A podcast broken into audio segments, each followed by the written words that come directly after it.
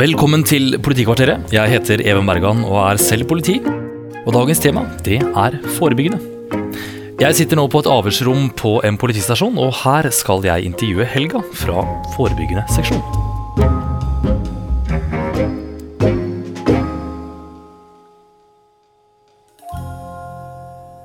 Helga, hyggelig å ha deg her. Takk skal du ha. Vi skal prate litt om eh, forebyggende arbeid. Og da må jeg bare spørre, hva er det dere gjør for noe på denne seksjonen?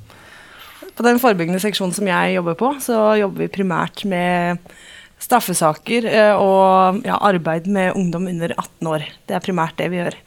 Og da er jo målet på sitt vis å ta tak i um, saker og ting som vi får vite om, enten via anmeldelser og straffesaker, eller på andre måter gjennom um, samarbeidspartnere i kommunen. Um, og ta tak i ungdommen og på en måte stoppe en negativ utvikling eller trend da, i mm. miljøet ungdommen er i. Mm. Men litt sånn konkret, sitter dere for det meste inne på stasjonen og ringer og skriver, eller er dere ute og kjører bil, eller hva, hva er det dere gjør for noe? Jeg liker å si at det, eh, måten vi er organisert på, så er det et lite lensmannskontor for U18-saker. Og det betyr at vi jobber egentlig med, med alt som har med disse sakene å gjøre. Eh, vi eh, er ute på ungdomspatruljer i helgene og oppsøker de stedene som vi vet at her er det ungdom som ferdes.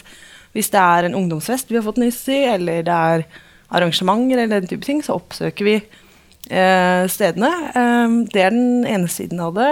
Eller så etterforsker vi straffesaker eh, som kommer inn enten på bakgrunn av ting som har skjedd og som er anmeldt av politiet, eller så er det ungdom og foreldre som kommer og anmelder forhold selv. Uh, Ut ifra dette så velger vi en strategi på hvordan vi skal arbeide videre um, med ungdommen. Da. Og ja, vi har bekymringssamtaler og møter med som sagt, andre aktører i kommunen og ja, i det hele tatt. Mm. Det er et stort uh, felt vi jobber innenfor. Er det en spesiell type ungdom dere kommer bort til, eller er det de fleste? Jeg kan på en måte avkrefte myten om at det bare er um, ungdom fra institusjoner eller som har en eller annen form for last i livet, som kommer bort til politiet. Fordi jeg ser at det er ungdom i alle typer samfunnslag som, som kommer i kontakt med oss. Absolutt. Når du er ute og jobber med, med ungdommer, du, føler du at du kommer opp i noen slags form for dilemmaer noen gang? Altså, blir du stående der og tenke litt Jøss, yes, åssen skal jeg egentlig gjøre dette her? Altfor ofte kommer jeg borti en sånn, en sånn type dilemma. Eh, jeg er jo en sånn, tom, sånn type politidame som man kanskje vil kalle litt dumsnill. Jeg er jo en sånn Jeg ønsker alltid det beste, og noen ganger har jeg bare lyst til å ta med ungdommen hjem og liksom sette meg i sofaen og stryke dem over håret og si jeg skal passe på deg. Altså, for det, det, er litt sånn type jeg er. Um, men uh, dilemmaet går jo ofte på at jobben min er å etterforske og, og på en måte avdekke det straffbare forholdet som har skjedd. Uh, men jeg vet at uh, i andre enden, altså konsekvensen for ungdommen kan bli enorm. da, Med en gang de får denne prikken på rullebladet, eller de ja, på en eller annen måte får får en konsekvens i form av bøter eller dom eller den type ting. Um, og da er det jo ofte den derre uh, vurdering, skjønnsmessige vurderingen som politiet i Norge har uh, muligheten til å utøve, og den, den blir uh, satt på prøve hver eneste dag. Mm. mm. For, for, mange ungdom forbinder jo kanskje dette her med at dere er vel spesiell avdeling kun laget for å ta dem for ting, men det er vel kanskje ikke bare det? Nei, definitivt ikke. Det er jo det som er målet mitt når jeg er ute og jobber med ungdom, det er at jeg skal hjelpe dem. Jeg skal absolutt ikke ta dem og sørge for at de nå får den straffen de fortjener. Det er det, er, det, er det siste jeg tenker på. Eh, mitt mål er at eh, jeg skal være med på eh, å skape en vei som gjør at ungdommen kommer ut på andre enden og kan bli en samfunnsborger med jobb og, og fritid og på en måte oppnå de ønskene de har sjøl. Mm. Mm. Men hvordan vil du at ungdommen der ute skal se på deg som, som politiperson? um, jeg ønsker at de skal se på meg som en, en trygg person uh, blant politiet. Fordi eh, mange ungdom uh, syns jo politiet er skummelt, og det har jeg full forståelse for. Jeg husker jo sjøl da jeg var ung og kanskje var på en ungdomsfest og politiet kom. Da var det jo bare å løpe så fort man kunne, for det var skumle greier. ikke sant? Men, men jeg ønsker at uh, ungdommene skal se på meg som en person som de kan ha tiltro til og tillit til. Um, og en de kan komme til hvis det er noe de trenger hjelp til. Mm. Den jobben du gjør nå som politi, eh, og da kanskje særlig opp mot, uh, mot ungdom, føler du selv at det funker, det du, det du, gjør på jobb? Um, jeg føler definitivt at det fungerer i noen tilfeller. Og så må jeg også akseptere at det er ikke alle tilfeller hvor, uh, hvor det går så bra. Det er ikke alle ungdom som jeg har uh, kunnskap eller uh, hva skal jeg si mulighet da, til å hjelpe. og, da må jeg, og det syns jeg er litt trist, egentlig. Men, men, har du noe typisk sånn solskinnshistorie som har gått sånn veldig bra, som du nesten har blitt litt imponert over deg sjøl på hvor bra dette gikk? Ja, jeg har jo satt jo, eller sa jo til meg sjøl før jeg begynte på forebyggende at eh, hvis jeg bare klarer å redde én ungdom fra, fra, å havne på kjøret eller eh, på en eller annen måte havne utafor disse her, eh, samfunnsnormene, da, for å kalle det det, så, så er det verdt det. Uh, og det er jo en gutt som jeg var veldig veldig bekymra for når jeg starta på forebyggende avdeling. Han uh, sånn jeg opplevde det, så var det en gutt som søkte veldig Han søkte anerkjennelse og trygghet og, og, og venner. Han, hadde, han syntes det var vanskelig, så han havna i et veldig dårlig miljø som hadde en fryktelig dårlig påvirkning på han. Eh, og da endte det opp med at han rusa seg ganske ofte, eh, både på hasj og andre ting. Eh, vi fikk han på det som heter en ruskontrakt, hvor det da ungdommene må gå og avlegge urinprøver uh, ukentlig, og også gå til samtale med en, uh, en helsesøster eller ruskonsulent. Da. Uh, men i løpet av den perioden hvor han gikk på den kontrakten, så, så klarte han ikke å holde seg unna. men så gikk det godt en periode, og vi sa at ok, vi kan avslutte kontrakten nå. Men rett etter at han var ferdig med kontrakten, så var han på'n igjen. og, og rusen hadde på en måte tatt over store deler av livet hans. da. Og det syns jeg var veldig vanskelig, for han hadde så gode foreldre. Han hadde så gode muligheter og ressurser både i seg sjøl og i alt rundt. Så jeg forsto ikke helt hva som var driven hans.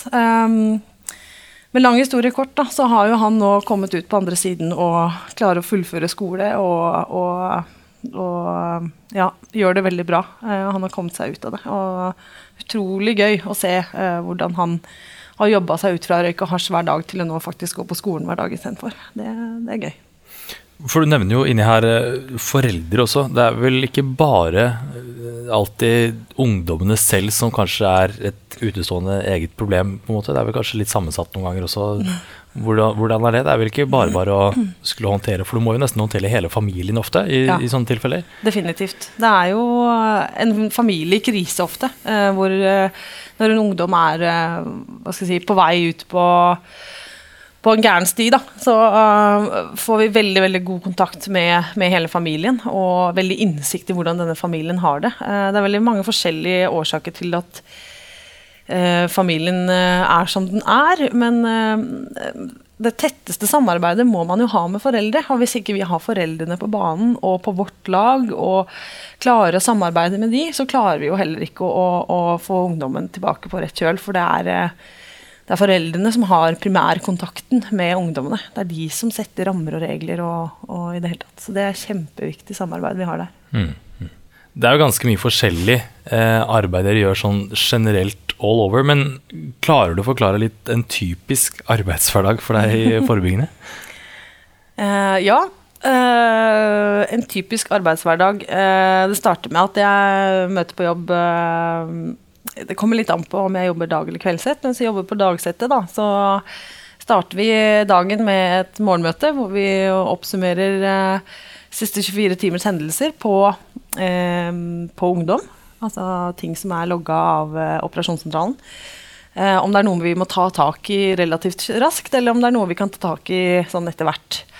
Um, vanligvis så har jeg da booka møter, da, som kan være enten en bekymringssamtale eller et avhør eller noen sånne ting. Eller så begynner jeg kanskje å etterforske en straffesak jeg jobber med. Um, ofte så har jeg også avtaler i kommunen jeg jobber i, um, hvor jeg f.eks. møter med barnevernet eller ja, utekontakten eller på skoler, den type ting.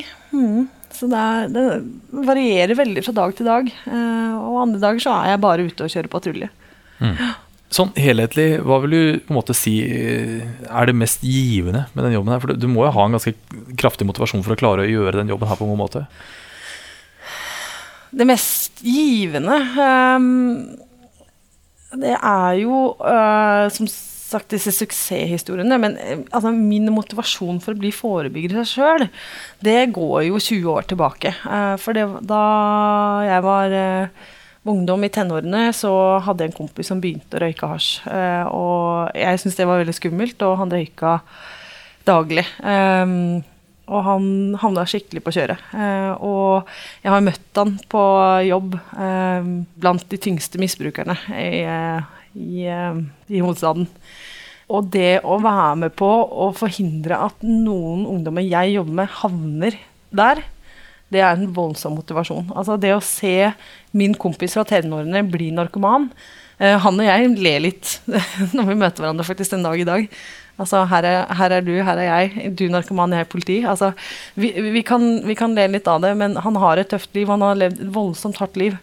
Uh, og hvis jeg kan være med på å bidra til at uh, en ungdom slipper det livet han hadde, så, så har jeg gjort jobben min. Absolutt. Var det det som var hovedmotivasjonen din for å bli politi i utgangspunktet? Ja, hovedmotivasjonen for å bli politi i utgangspunktet var vel um, det virka kjempespennende. Jeg synes det var litt sånn der, jeg vet ikke helt om jeg klarer å få til å bli politi. ikke sant? Syns det var litt sånn hårete mål.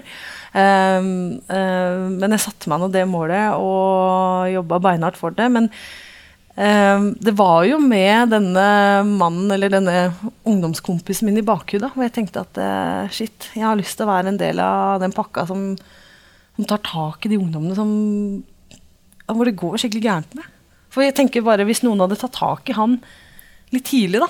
Altså noen hadde vært på, uh, snakka med foreldre, satt på aktører fra kommunen som vi nå jobber veldig mye med, som også har mye å, å si. Hvordan hadde han hatt det i dag? Ikke sant? Det